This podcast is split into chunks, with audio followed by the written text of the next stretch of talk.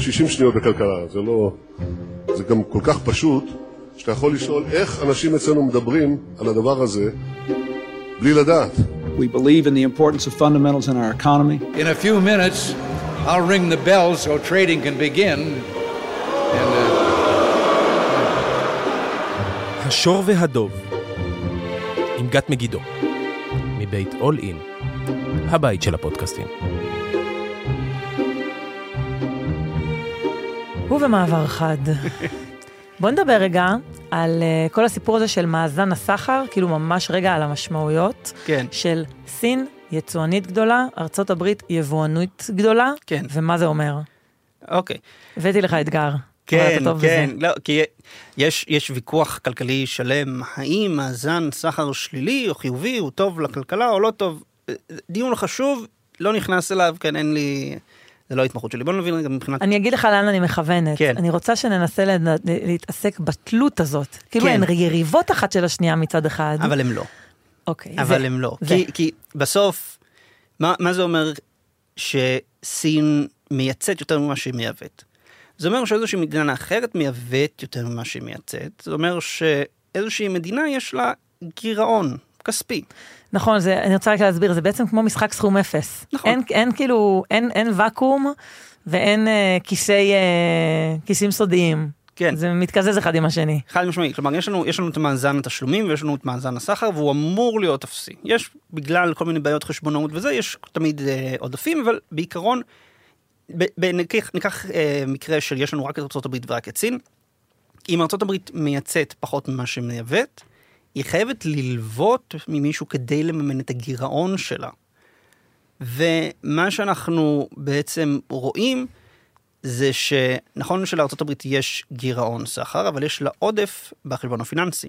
ארה"ב מלווה משאר העולם, כדי שהיא תוכל לקנות ל- לקנות משאר יותר. העולם. עכשיו, עבור מדינות שהביקוש הפרטי, הביקוש הפנימי שלהן נמוך, והדרך המרכזית שלהן לשמור על צמיחה כלכלית היא באמצעות ייצוא, ראה ערך סין. ראה ערך סין, אבל סין, יפן, כן, לא רק. דרום קוריאה, גרמניה, לא, אבל אנשים צריכים להבין, רוב הכלכלות המפותחות יש להן עודף סחר. יש מספר מאוד קטן של כלכלות מפותחות שיש להן גירעון, רובן אגב אנגלוסקסיות, בריטניה, ארה"ב. לארה"ב יש את הגירעון הגדול ביותר, אבל מה שארה"ב בעצם עושה בשביל המערכת הסחר הבינלאומית, היא נותנת ביקוש חיצוני עבור כלכלות שאם לא היה להם את הביקוש האמריקני, היו צריכות או לייצר ביקוש פנימי, או להצטמצם בהתאם. היא מייצרת להן את הצמיחה הכלכלית, דה פקטו. כן, היא מייצרת להם את התמיכה הכלכלית, ולכן גם כאשר מדברים על אה, היואן יחליף אה, את הדולר, סבבה, אבל אז איך הסינים ילוו לאמריקנים כדי שימשיכו לקנות סחורות סיניות. כלומר, או, ש, או שארצות הברית תוותר לחלוטין על הדולר וגם תשתמש ביואן, בספק, כן. או שסין תצטרך להמשיך ולתת, לאמר... להמשיך לקנות את נכסים אמריקנים בדולרים, כדי שלאמריקנים יהיה את הדולרים, לקנות את המוצרים הסינים.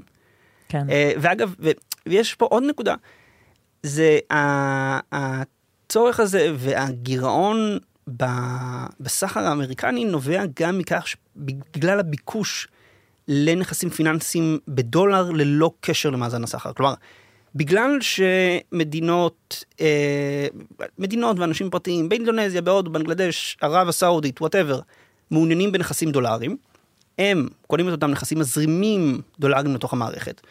אמ, ובזכות הדולרים האלו, העלויות שלי ללוות, אגב, גם בתור אזרח פרטי, הן נמוכות יותר. ואז מה שאנחנו רואים זה שעוד עוד גורם בעצם לגירעון הסחר האמריקני, זה פשוט התנועה של הון זר מהעולם, שמאפשר לאמריקנים, חברות ואנשים פרטיים, וכמובן הממשל, ללוות, כן. ומעודד אותו כמובן אה, לצרוך יותר ממה שהוא מכניס. נכון, אגב, אני חייב, יש לי דוגמאות, אני נותנת דוגמאות נורא נורא פשוטות כדי מאוד להצליח להוריד את, ה, כן. את הדיון, אז תדמיינו לעצמכם שהילד שלכם פותח דוכן בשכונה, כן. והוא רוצה למכור את הצעצועים המשומשים שלו ואף אחד לא בא לקנות, אז אמא ואבא באים וקונים אותה, קונים את זה ממנו. כן. יצרו לו תמיכה כלכלית על חשבונם. כן. אז אה, כן. זה, זה, זה, זה, זה, זה, זה דרך מעולה להסביר את זה, כי באמת, אנחנו חייבים להבין, המערכת הכלכלית הבינלאומית גם מהצד, ה- נקרא לו יותר ריאלי, כן, של סחר של סחורות ממש, וגם מהצד הפיננסי, היא מקושרת. כלומר, בסופו של יום, עודף הסחר הסיני לא יכול להתקיים בלי גירעון סחר במדינה אחרת כלשהי. והעודף שהסינים צריכים הוא עצום, אנחנו מדברים על מאות מיליארדים. וזה לא כל כך יכול לקרות בלי ארצות הברית. חד משמעית, כי אין לנו כלכלות אחרות, גם, גם אוקיי, אין, אין לנו כלכלה גדולה אחת שיכולה לעשות את זה, וגם כלכלות קטנות רבות לא ממש ירצו. כלומר, מדינות, אה, הרבה, כמו שאמרנו, הרבה מדינות מפותחות תלויות בעודף הסחר שלהם, כדי אה, לייצר, לייצר צמיחה. מדינות מתפתחות, הבעיה היא אחרת, שהן לא יכולות לקלוט את הכסף שסין תזרים להם. בדרך כלל מדינה יכולה לקלוט אה, השקעות עד משהו כמו 10% מהתמ"ג שלה. אוקיי? אנחנו מדברים עודף הסחר של סין שווה למשהו כמו בערך 30 אחוזים מהתמ"ג של הודו. אוקיי? עכשיו תחשבו מה זה אומר למדינות מתפתחות כמו מדינות באפריקה. ונשים עוד בעיה, חוץ מזה שמדינות מתפתחות, קשה להם יותר לקלוט סכומים כל כך גדולים של כסף, גם החוב שלהם פחות אמין. עכשיו, לסינים היה איזשהו בינג' בתחילת שנות האלפיים, כשהם חשבו שהם פתאום גילו את אמריקה עם לתת הלוואות בריביות גבוהות לכל מיני מדינות מפוקפקות באפריקה, אבל אז הם גילו שאותן מדינות מפוקפקות באפריקה, יש סיבה שמדינות לא מלוות להן. כי אתה לא מקבל בסוף את הכסף.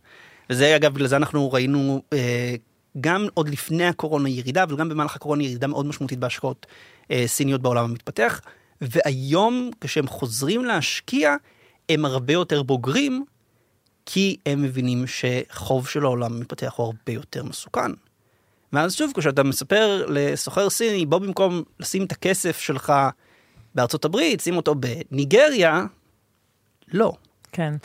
טוב, אני מקווה שהצלחנו להסביר את זה שבעצם הן כאילו רבות, רבות זו עם זו, ככה זה נראה, אבל בכל רגע נתון, אם למי שזה לא היה ברור, הן גם סוחרות אחת עם השנייה ותלויות אחת בשנייה, כן. בקשר שאין לו באמת פתרון אחר. יותר, יש לו פתרון, וזה משהו שאנחנו צריכים להבין, כי יש קולות בפריפריה הפוליטית של ארה"ב, אבל הקולות האלו נמצאים. יש הבנה שמתחילה לחלחל שבעצם גירעון הסחר הוא תמונת ראי של העודף הפיננסי, ולכן אם אתה רוצה לצמצם את הגירעון, אתה צריך להגדיל את המיסוי על כסף שנכנס לארה"ב. כלומר, לשים מכסים על סין לא הולך לפתור את גירעון הסחר. שמו מכסים, טראמפ שם מכסים ב-2018, ב-2022 אה, הסחר עם סין שבר את כל השיאים. והגירעון אגב כמעט ולא השתנה, כי מה שקורה זה שגם אם אתה שם מכסים על סין, אז סין, העודף שלה עם מדינות אחרות משתנה, הוא גדל, ואז אותן מדינות, העודף שלהן עם ארה"ב גם גדל, והגירעון נשאר כמעט ללא תזוזה. אז מה שאתה צריך זה לשים מיסוי על זרימות ההון לתוך ארה"ב כדי לנסות ולצמצם את הגירעון. אז יש, הייתה הצעת חוק אחת שלא התקדמה, אבל כן רואים בשוליים איזושהי הבנה שאם ארה"ב באמת רוצה לטפל בגירעון הסחר שלה, והיא גם רוצה להחזיר את השליטה שלה על הדולר, היא חייבת לצמצם את השימוש העולמי שלו. עכשיו, מבחינת זה הממסד... אולי מש- מתחבר לשאלה שלי על אה, איך הברית נותנת ל-BIS אה, לקדם אה, כן. שימוש במטבעות עכשיו, מקומיים ברור, ש, אחרים. ברור שהממסד הביטחוני ומדיניות החוץ התנגד לחלוטין, כי סנקציות כלכליות זה דרך מדהימה להכאיב למדינות בלי לראות פגז אחד, אבל בסופו של דבר יש פה גם מחיר אה, כלכלי שארצות הברית משלמת, מחיר שיצרנים אמריקנים משלמים, מחיר שגם אזרחים אמריקנים משלמים. ואנחנו באמת, זה דיון שהוא נמצא, הוא כרגע ממש בשוליים שלו, אבל צריך להיות מודע לזה, ואני חושב שמשהו שאנחנו לא לוקחים בחשבון כאשר אנחנו מדברים על סופו של הדולר, זה שיכול להיות שהסוף של הדולר כמטבע רזרבה לא יגיע בגלל שסין או הבריקס יחליפו אותו, אלא לפני שארצות הברית תבוא ותגיד, תקשיבו, המחיר שאני משלמת הוא מוגזם, הנה אני מתחילה לצמצם, להקשות את הגישה לשווקים הפיננסיים שלי, ועכשיו העולם יצטרך למצוא את האיזון מחדש שלו, שזה עוד דרך אה, להתמודד עם הררי החוב, עוד דרך איכשהו להגיע לאיזשהו איזון חדש במערכת הפיננסית הבינלאומית. ואיך, אה, איך, קצת נגעת בזה, אבל איך, איך הם התמודדו עם ה... זאת אומרת, הברית מטילה סנקציות, כן. אוקיי? בין אם זה על סין, בין אם זה על איראן. אה, רוסיה. רוסיה, נכון, איך אפשר לפספס את רוסיה? ובעצם ברגע שארצות הברית מטילה סנקציות כאלה, היא, כמו שאתה אומר, היא משיגה את השליטה הביטחונית, מהמם. אוקיי? ובדרך הזו באמת יש, אה, אתה נגעת על אה, אמריקאי משלם את המחיר, גם אה, גרמני שסוחר עם... אה, רוסיה. זאת אומרת, גם, בדיוק, גרמני שסוחר עם רוסיה, כל הדול, הדולר הוא המטבע שבו עושים את המסחר, כן. אז גם הוא עובר דרך המערכת הפיננסית האמריקאית, ובסוף יה- הסנקציה תעצור אותו. נכון. זאת אומרת, זה פוגע בכולם. אבל זה, זה מכשיר שאני לא רואה איך הם אה, מוותרים עליו. זה אולי קצת תופעת לוואי של זה, אבל... אה, תראי, יש, אין ספק שיש התמכרות לסנקציות בארצות הברית. אה, אבל זה כבר הגיע למצב האבסורדי שגם כאשר הסנקציות לא משיגות את המטרה האפקטיבית שלהם, ארצות הברית עדיין משתמשת בה. אה, צפון קוריאה מבצעת ניסוי טילים, אז ארצות הברית מכריזה על שלושה אישים חדשים נגדם יש סנקציות, כן? הם צריכים עוד לחפש בצפון קוריאה, נותרו בערך עוד שלושה אנשים בלי איזושהי סנקציה, אז הם שמו עליהם. סנקציות הם כלי מאוד אפקטיבי כאשר אתה רוצה להגיע לאיזשהו הישג נקודתי וברור. הבעיה שהסנקציות האמריקניות בגלל ההתמכרות אליהן הפכו להיות איזה משהו שארצות הברית עושה באופן אוטומטי. כמו אימא ששולחת את הילד שלה לעונש כן. ארבע פעמים ביום, וזה כבר לא מזיז ת- גם בכלל. תלך אה, לפינה, אבל זה יותר מזה, כלומר, אתה מטיל כזאת כמות משמעותית של סנקציות על כל כך הרבה מדינות שכבר הן מתחילות לסחור אחת עם השנייה, כן? הטלת סנקציות גם על איראן, גם על רוסיה, גם על צפון קוריאה, אז עכשיו הן מתחילות לסחור אחת עם השנייה, הן לומדות אחת מהשנייה איך לעקוף את הסנקציות האמריקניות. אה, אתה מטיל כל כך הרבה סנקציות שמדינות אחרות כמו גרמניה או סין מתחילות להיות מוטרדות מהסנקציות האלה מפני שהן משפיעות עליך. אתה, המערכת עצמה הופכת להיות כל כך מורכבת שאתה צריך רגע לשים לב שאתה לא בטעות מפעיל סנקציות על נגיד משהו שיש לך אינטרס הומניטרי שימשיך. וברור שכמו שאמרתי הממסד הביטחוני וממסד מדיניות החוץ לא יסכים לוותר על הכלי שהוא התאהב בו, ממש כלי שהוא התאהב בו. תחשבו כן. שאנחנו הגענו בזמן נורא קצר, כן, בשנות ה-90 ממשל קלינטון ידע להפעיל סנקציות נגד אישים מסוימים בקרטלי סמים במקסיקו. הגיע 9-11 והמלחמה בטרור, פתאום הזרוע הכלכלית של ארה"ב התחילה להתפתח מאוד, כי הם התחילו לדרוש שקיפות מבנקים כדי למצוא כל מיני חשבונות טרור, כדי להטיל סנקציות על זה. ואז ב-2014 ארה"ב כבר הייתה יכולה להטיל סנקציות שפשוט ניתקו מדינה מהכלכלה העולמית, את רוסיה. כלומר, בתוך זמן קצר מאוד הם פיתחו את הנשק הזה להיות מפלצת. אה, ואין ספק ש... שוב, כמו שאמרתי, בפנטגון מאוד אוהבים אותו, אבל היופי בארצות הברית זה שבסופו של יום אה, הגוף, אחד הגופים הכי, אולי הגוף הכי דומיננטי במדיניות פנים, זה הקונגרס. והקונגרס מייצג אינטרסים פנימיים, ככה הוא תוכנן. ככה אגב, אה, זה לפעמים משגע אנשים אחרים, כן? אה, למה לנשיא אכפת מהקונגרס ולמה אכפת לו מאיזשהו כפרי באיואה? כי הכפרי באיואה בסוף מצביע לחבר הקונגרס, וחבר הקונגרס מאוד מחובר לכפרי שהצביע לו, ומה שהוא רוצה בסוף משפיע על הסחר של ארה"ב, על התקציב שלה, על החוקים שלה. כן, אנחנו שוכחים שהנשיא, יש לו... ארה"ב המערכת שלה תוכננה ככה שהנשיא הוא בעיקר יכול להתמקד בהרפתקאות בחוץ, וגם הוא לא יכול להתפרע יותר מדי. אוקיי, נגיד, ניקח דוגמה ממש אה, פשוטה שקורית עכשיו, הונגריה מעכבת את האישור של שוודיה לנאטו. הונגריה וטורקיה. בתגובה, סנטור אמריקני, סנטור רפובליקני, עד עכשיו לא מאשר מכירת נשק להונגריה. הממשל, ממשל ביידן, הנשיא רוצים למכור והסנטור לא. אגב, מי זרק את uh, טורקיה מתוכנית ה-F-35? הקונגרס, הקונגרס הכריח את אה, ממשל טראמפ לעשות את זה. אה, אז כמו שאמרתי, יש אינטרס של הממסד המדיני ושל הביטחון לאומי לא לוותר על סנקציות, אבל בסופו של יום השיקול המקומי, אם הוא יצליח להפוך להיות דומיננטי בקונגרס, כנראה יביא לצמצום של הכלי הזה. סנקציות זה לא רק אה, ביטחוניות. נכון. אם דיברנו כבר כל כך הרבה על סין וארצות הברית, ארצות הברית גם התאהבו בלהטיל סנקציות על סין, סנקציות כלכליות בעצם. נכון. אחת הבולטות... טכנולוגיות. טכנולוגיות, כן, בתחום הטכנולוגיה. אחת ה... זה, זה נורא תפס תאוצה בממשל טראמפ, למרות שזה התחיל עוד לפניו בממשל אובמה, ובוודאי המשיך ואף אה, התגבר בממשל ביידן. לא יודעת כמה אנשים יודעים, אבל אחת, ה... אחת המגבלות שממשל ביידן שם זה ש... אה, לא אזרח אמריקאי, אומרים את זה...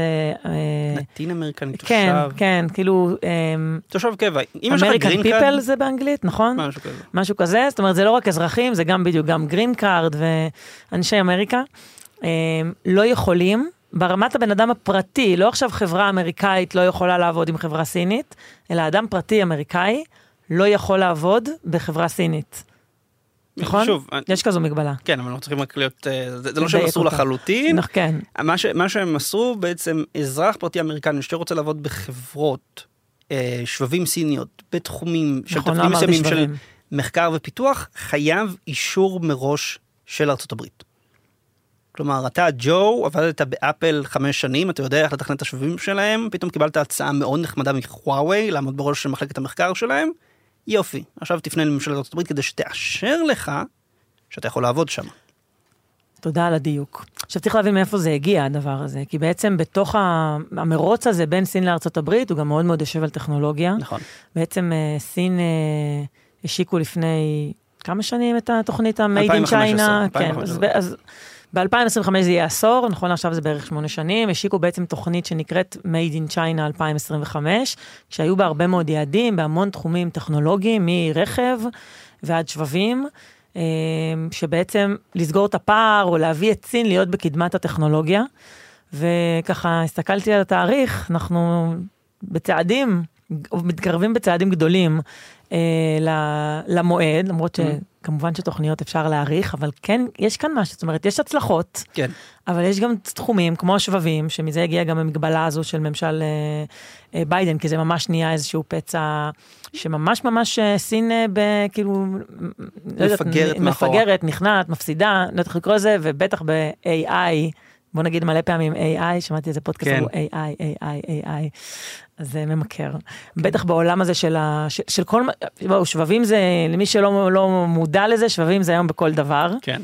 אה, אז יש, איך, זה, איך אתה רואה את, ה, את, ה, את המאבק הזה? כאילו סין באמת מפסידה בו? כן. סין, שוב, איך בואו נבין אה, מה אנחנו אומרים כשאנחנו אומרים מפסידה.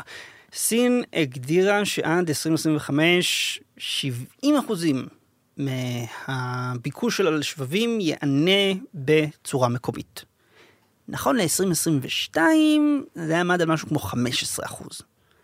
אוקיי, אז אנחנו, אנחנו לא עומדים ביעד ואנחנו לא נעמוד ביעד, זה, זה לא יקרה. בעיה שנייה של סין זה שהיא לא הצליחה לסגור את הפער הטכנולוגי בין יצרני השבבים שלה ובין יצרני השבבים שנמצאים בחזית. יש. אנחנו יכולים לחשוב על שבבים כדורות, כן? לכל דור יש את הארכיטקטורה שלו. אז יצרני השבבים הסינים, המתקדם ביותר SMIC, נמצא, הגיע לרמת ארכיטקטורה של 14 ננומטר. אוקיי, ארכיטקטורת 14 ננומטר. הוא הצליח למרות המגבלות האמריקניות לייצר שבבים בארכיטקטורה של 7 ננומטר, אבל הוא עושה את זה ביעילות כלכלית נמוכה מאוד. באותו זמן, TSMC עובדת על שבבים בשלוש ננומטר, כלומר היא כבר שני דורות, למען האמת כבר שלוש דורות קדימה. סמסונג טיפה מאחוריה, ואינטל גם מתכננת לסגור אה, במהירות את הפער. אם- מי, מי שלא מכיר, המניה של אינטל חטפה מאוד מאוד קשה בגלל חוסר ההצלחה שלה אה, להביא את התהליך של 7 ננומטר ליעילות גבוהה, בגלל שהם לא השכילו בשלב מוקדם לשלב את המכונות של ASML, חברה אה, הולנדית, שהיא היחידה בעולם שמייצרת מכונות מתקדמות לייצור שבבים. אוקיי, נקרא לזה ככה כדי לא להלאות אתכם במושגים לא טכניים. להרוג את המאזינים. כן. ומה שארצות הברית עשתה, ארצות הברית עשתה משהו מאוד מאוד פשוט. היא זיהתה ש-ASML, אותה חברה הולנדית, היא היחידה שמייצרת את המכונות שדרושות לשבבים של 7 ננומטר ומטה. כן, כל דור אנחנו יורדים אה, באורך. והודיעה שהם לא יכולה למכור את אותן מכונות מתקדמות. באותו רגע הברית סגרה את האפשרות של יצרני שבבים בסין להדביק את הפער. עכשיו, תבואו ותמיד שואלים אותי, למה שלא יעתיקו את הטכנולוגיה, כן? אז יש לנו פה כמה בעיות. קודם כל, אתה צריך להעתיק את הארכיטקטורה של השבב. כלומר, לקחת, לגלות מה הארכיטקטורה של שבב של 5 ננומטר ולהעתיק אותו. זה כבר סוד שמור היטב. אחרי שהעתקת את זה, אתה צריך לפתח את התהליך ייצור. בדרך כלל במפעל שבבים לוקח ארבע שנים לייצב את תהליך הייצור, גם כשהוא יודע מה התהליך ייצור. ואחרי שהגעת לזה, אתה צריך לבוא ולהעתיק את המכונה של ה-ASML. עכשיו, מה הבעיה עם המכונה של ה-ASML? ASML היא חברה הולנדית קטנה, היא חברה מרתקת, זה סיפור, אני מאוהב, אני מאוהב, למה אני מאוהב? זו חברה ממש קטנה שהוקמה ב-1984 על ידי פיליפס. פיליפס ענק אה, קומקום עם מכונות אה, חשמל, אז ב-1984 הם החליטו לקחת את חטיבת ליטוגרפיה שלהם, טכניקה מסוימת לייצור של שבבים, ולהפוך אותה לחברה עצמאית. יופי, הפכו את זה לחברה עצמאית. אבל בשנים הראשונות ל-ASML גם לא היה תקציב וגם היא הייתה הפסדית. כלומר, היה לה תקציב מאוד מאוד קטן, ובשנים הראשונות התמקדה כל כך במחקר ופיתוח, שלא היה לה את האפשרות לבוא ולייצר את כל הרכיבים בבית. בשנות ה-80 שתי החברות ליטוגרפיה הגדולות בעולם שתי חברות יפניות, ניקון וקאנון. החברה של המצלמות, זה עוד משהו שהיא עשתה. הם, החברות הגדולות היפניות, היו מייצרות את כל הרכיבים בבית. כי היה להם את התקציב. ל-ASML לא הייתה את האפשרות הזאת. אז מה ASML עשו? משהו מאוד מאוד חכם. הם אמרו, מה היתרון היחסי שלנו לתכנן מכונות ליטוגרפיה? כל שאר הרכיבים שאנחנו צריכים, אנחנו יכולים לקנות את, את הכי טוב, הנדסית, מספקים בחוץ. ואנחנו הולכים לדאוג למערכת איכות, בקרת איכות מאוד נוקשה, כדי לוודא שאף חלק שנכנס לא עושה לי איזה שהם בעיות במכונה. ומה ש-ASML עשו, הם יצרו אקולוגיה של ספקים, שבסופה נמצאת המכונה המתקדמת ביותר בעולם עם ייצור שבבים. מכונה של ה-ASML זה לא רק התוכניות של ה-ASML, זה גם הטכנולוג... הטכנולוגיה של קארל צייס, היצרן אופטיקה, של טראמפ, אה, חברה לייצור אה, לייזרים. כלומר, יש לך כמה עשרות ספקים שכל רכיב במכונה הזאתי הוא בעיה טכנולוגית בפני עצמה. לדוגמה, המראות של צייס במכונה הזאתי, הן כל כך מדויקות, הן כל כך חלקות, שאם תיקחי מראה, כן, אנחנו מדברים לא על אה, מראה גדולה, כן, תחשבו על מגש אוכל, אם תגדילי אותה לגודל של גרמניה, הבליטה הכי גדולה שתהיה במראה תהיה בגובה של 0.01 מילימטר. שתבינו על מה אנחנו מדברים. מטורף. וזה רק דוגמה אחת. אז כלומר, גם אם גנבת את התוכניות של ASML, עכשיו תתחיל לגנוב את התוכניות ואת הידע ואת הטכניקות של כל הספקים שנמצאים אה, שם. אז זה דבר מטורף, זה לייצר אקולוגיה מאפס, זה לייצר ידע מאפס, לא משהו שאפשר לעשות בקלות, בטח שלא משהו שאפשר לעשות, אנחנו מדברים אפילו לא בתוך עשר שנים, כן, הטכנולוגיה בסוף, המכונות המתקדמות של ה-ASML, לקח כרבע מאה לפתח אותן, עד שהגיעו לשלב של ייצור המוני של מכונות האלו. אז זה לא משהו שסין יכולה מחר בבוקר לבוא ולהגיד, הנה, 100 מיליארד דולר, תפתרו לנו את הבעיה. והנקודה היא שאולי כשמדברים על שבבים, אז אנשים ישר מחברים את זה לאוטו האוטונומי או לנייד שלהם, אבל בפועל זה, זה גם מאוד קשור לתעשייה הביטחונית. חד משמעית.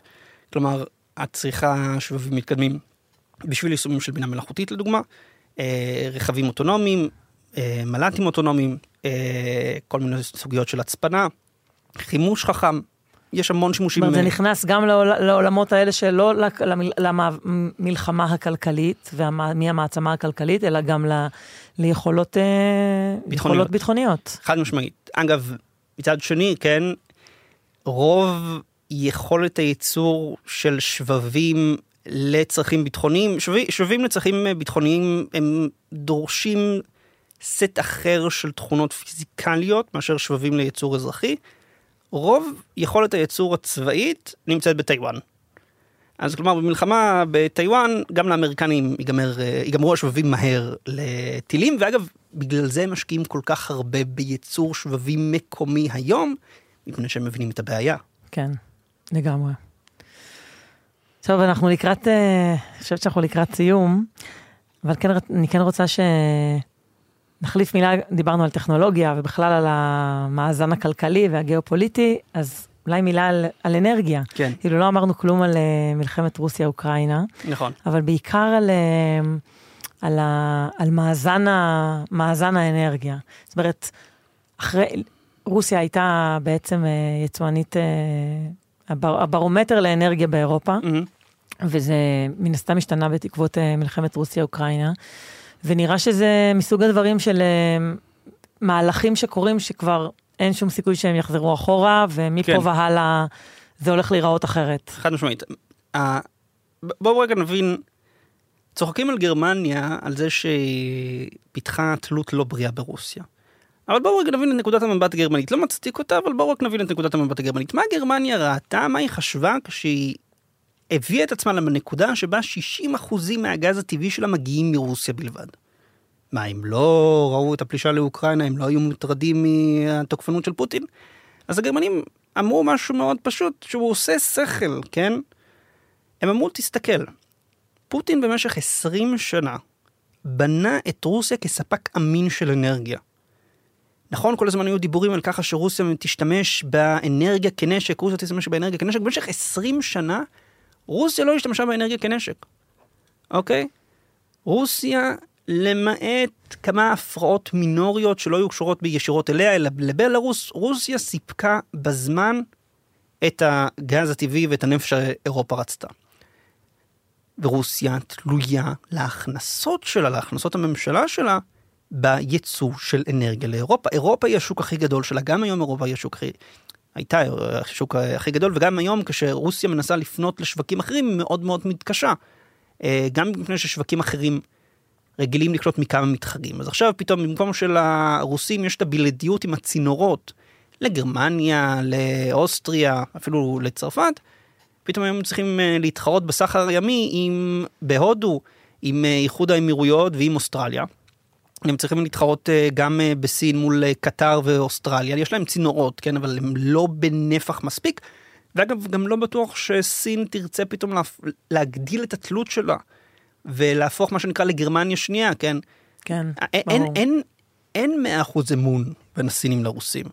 אז זה סימן שאלה גדול עד כמה הסינים יהיו מוכנים לספוג את היצור העודף שיש על רוסיה. אבל בכל מקרה, מה שגרמנים אמרו, תקשיב, 20 שנה הבן אדם בונה מוניטין. בונה מוניטין. קונה פוליטיקאים גרמניים כמובן, משקיע בצינורות ובתשתיות, הפך את עצמו לספק אמין, ובסופו של דבר רוסיה, כן, לא נעים להגיד, יש uh, מקיין, ג'ון מקיין, הסנטור המנוח, אמר על רוסיה, מה זה רוסיה? תחנת דלק עם טנקים. נכון. אוקיי, אז אתה אומר, יש לך תחנת דלק עם טנקים, שבנתה את האמינות שלה, למה שהוא יפוצץ, יהרוס את כל זה, בשביל פקקת אוקראינה? גם זו תלות הדדית בסוף, גרמניה תלויה, גרמניה, אירופה תלויות בנפט הרוסי, והרוסים מתפרנסים מהנפט נכון, הרוסי. כלומר, 20 שנה, נפט, גז. 20 שנה בונה את המפעל הזה, משקיע כסף בצינורות, ופתאום, 2022, זורק את הכל לפח. כן. זורק את הכל לפח. עזבו, זה לא עכשיו שאלה של האם בעוד עשר שנים גרמניה תקנה קצת גז או תקנה קצת יותר גז מהרוסים.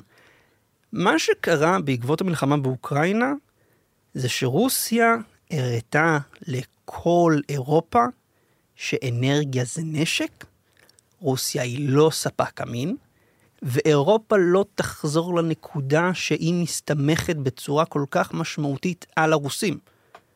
יכול להיות שבעוד 10-15 שנה, כן, כשהקונפליקט הזה, אם הוא לא ייפתר, אז הוא יהפוך להיות איזשהו קונפליקט קפוא, ואז האירופאים קצת יחזרו לתוך השווקים הרוסים. זה אף פעם לא יהיה שוב ברמות תלות שהן היו. כי שוב, אנחנו נמצאים אחרי נקודת האל-חזור שרוסיה באה והוכיחה לגרמניה ולכל מי שרצה רוסיה תהיה מוכנה להשתמש בנשק האנרגיה, והיא תהיה מוכנה לפגוע בעצמה כדי לפגוע באירופאים. אתה יודע, זה גם פתח אה, סוגיה שלמה של, אה, נניח ב-2019, כאילו לפני, לפני מגפת הקורונה, אה, כל הסיפור של ה... אה, להוציא שימוש באנרגיה פוסילי, פוסילית, כן. בעצם לעבור לאנרגיה ירוקה, הביא את זה שבנקים גדולים לא רצו לממן פרויקטים של... אה, מדינות מפותחות לא רצו. ממש, זאת אומרת, זה, זה ואגב- גופי פנסיה, בנקים, זה כן. ממש היה ביג נו נו. והדבר הזה מאוד, מאוד השתנה. מאוד השתנה. זאת אומרת, עדיין יש מן הסתם עיסוק ב... וזה בסדר, דרך אגב, אה, אה, לדאוג לאיכות הסביבה. אבל כאילו היה איזה משהו נורא קיצוני אז, וזה... תחשבו על זה, ב- ב- בוא פשוט ניתן למאזינים להמחיש להם, להמחיש לכם, אגב, וזה גם שוב, זה קשור גם בסוף לגיאופוליטיקה, כן? במשך שנים המערב מספר למדינות אפריקה שמתחת לסהרה, אנחנו לא מתכוונים לממן לכם אה, דלקים מאובנים, לא מתכוונים לממן לכם פיתוח של שדות אה, של דלקים מאובנים, אתם צריכים לבצע קפיצה אה, אנרגטית מחברה שהיא קדם תעשייתית לחברה שהיא אחרי תעשייתית, כלומר שהיא משתמשת במקום בפחם ועצים, תשתמש באנרגיה סולארית. עכשיו, אנרגיה סולארית פנטסטי, היא זולה, ידע ידע ידע. בשביל כל האנרגיות המתחדשות האלו אתה צריך תשתית חשמל טובה שמגיעה לכל משקי הבית. אין את זה באפריקה, אין את זה באפריקה שמתחת לסהרה. לא נעים לי להגיד לך, אין את זה בחלק מהמדינות המפותחות. כן, אז... כולל בעיות בישראל בעניין הזה. חד משמעית. אז במשך שנים סיפרו למדינות אה, אפריקה שמתחת לסהרה שדלקים מאובנים זה בעבר, לא הולכים להשקיע בזה, אמרו להם אנחנו הולכים לתת לכם את כל הכסף שאתם צריכים למימון המעבר האנרגטי, לא נתנו, ידע ידע ידע, ופתאום יום אחד אחרי מלחמת, מתחילה מלחמת אה, אוקראינה-רוסיה, ופתאום אירופה מכריזה על ככה שהיא מתחילה לממן מחדש שדות אה, נפט וגז בניגריה, בסנגל, פתאום מוזמביק שבמשך שנים התמודדה עם uh, טרוריסטים בצפון שיגבו פרויקט uh, גז טבעי נוזלי, פתאום מקבלת סיוע. פתאום מישהו מתעניין בניגריה, מה קורה עם כל גנבות הנפט שלה בדרום. עכשיו... מה, ומה אתה אומר על זה? אני לא אומר כלום. לא, אני, מה, איך אתה מנתח את זה? אני, מאוד, מאוד פשוט. ל, למערב היה איזשהו אידיאל בראש, כן, שהוא הכתיב את זה למדינה לעולם המתפתח. הוא קיבל סטירה, קיבל סטירה מאוד משמעותית, שאגב, אני יכול להבין למה לא כולם צפו אותה. ועכשיו הוא מתפכח.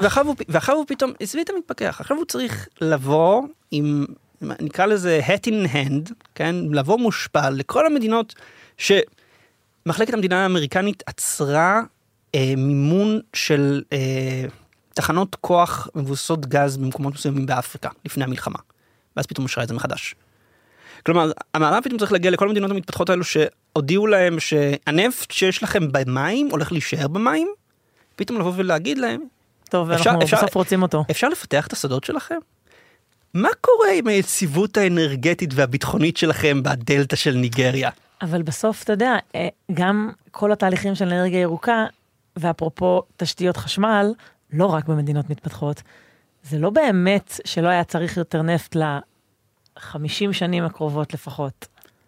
שוב, יש פה איזשהו קו... ויכול להיות שהמספר שאני אומרת הוא לא מדויק, כן, אבל אומר... זה בשביל לתת סדרי גודל. נכון, יש איזה קו מדיניות שבא ואומר אנחנו צריכים אנרגיה מתחדשת ואנחנו צריכים לעשות מה שצריך, כלומר כל השיקולים האחרים לא רלוונטיים כי אנחנו צריכים להציל את הפלנטה. שזה פנטסטי וצריך להגיע על כדור הארץ ואנרגיה מתחדשת, הכל בסדר, אני איתכם. אבל בסופו של דבר יש מציאות. עזבו את זה שעכשיו אירופה מחפשת בכל מיני מקומות גז טבעי ונפט כדי להחליף את רוסיה. בשביל הסוללות שאנחנו צריכים לרכבים חשמליים אנחנו צריכים קובלט. קובלט קוראים אותו בקניה, אה, אה, לא, לא קניה, קונגו. קונגו מספקת מעל 50% מהקובלט בעולם. זה הקובלט ברכבים החשמליים שלכם, זה הקובלט בטלפונים שלכם. יודעים מי מחזיק ברוב תעשיית מכרות הקובלט בקונגו? סין. יודעים מי מאבד את רוב הנחושת בעולם שצריך בשביל החוטים החשמליים, בשביל כל התשתיות חשמל הנוספות שצריך בשביל המעבר האנרגטי? סין. יודעים מי המדינות המרכזיות בשביל הפקה של ניקל? רוסיה ואינדונזיה. ספציפית בשביל ניקל לאלקטרודות לרכבים חשמליים. המעבר לאנרגיה ירוקה דורש המון חומרים ויסודות, שרבים מהם לא נמצאים בידי המערב. ורבים מהם נמצאים במדינות מתפתחות לא כל כך יציבות. ואני חושב שמה שהיום אנחנו רואים, מתחילים להבין מקבלי החלטות במערב, זה שבשביל המעבר האנרגטי הזה אתה תצטרך להתחיל להתעניין במה קורה עם מכרות הקובלט בקונגו, ומה קורה עם מכרות נחושת בפרו. כן, היום המשקיע הממוצע לא מתעניין במה שקורה בפרו. יש שם הפיכה, יש שם כל מיני בעיות עם השלטון, אף אחד זה לא מעניין. אבל פרו הולכת להיות אחת מספקיות הנחושת הגדולות בעולם, כן? היא הולכת לעניין את השווקים העולמיים. דרום אפריקה, מדינה מאוד מאוד חשובה לפלטינום ויסודות אחרים מאותה משפחה.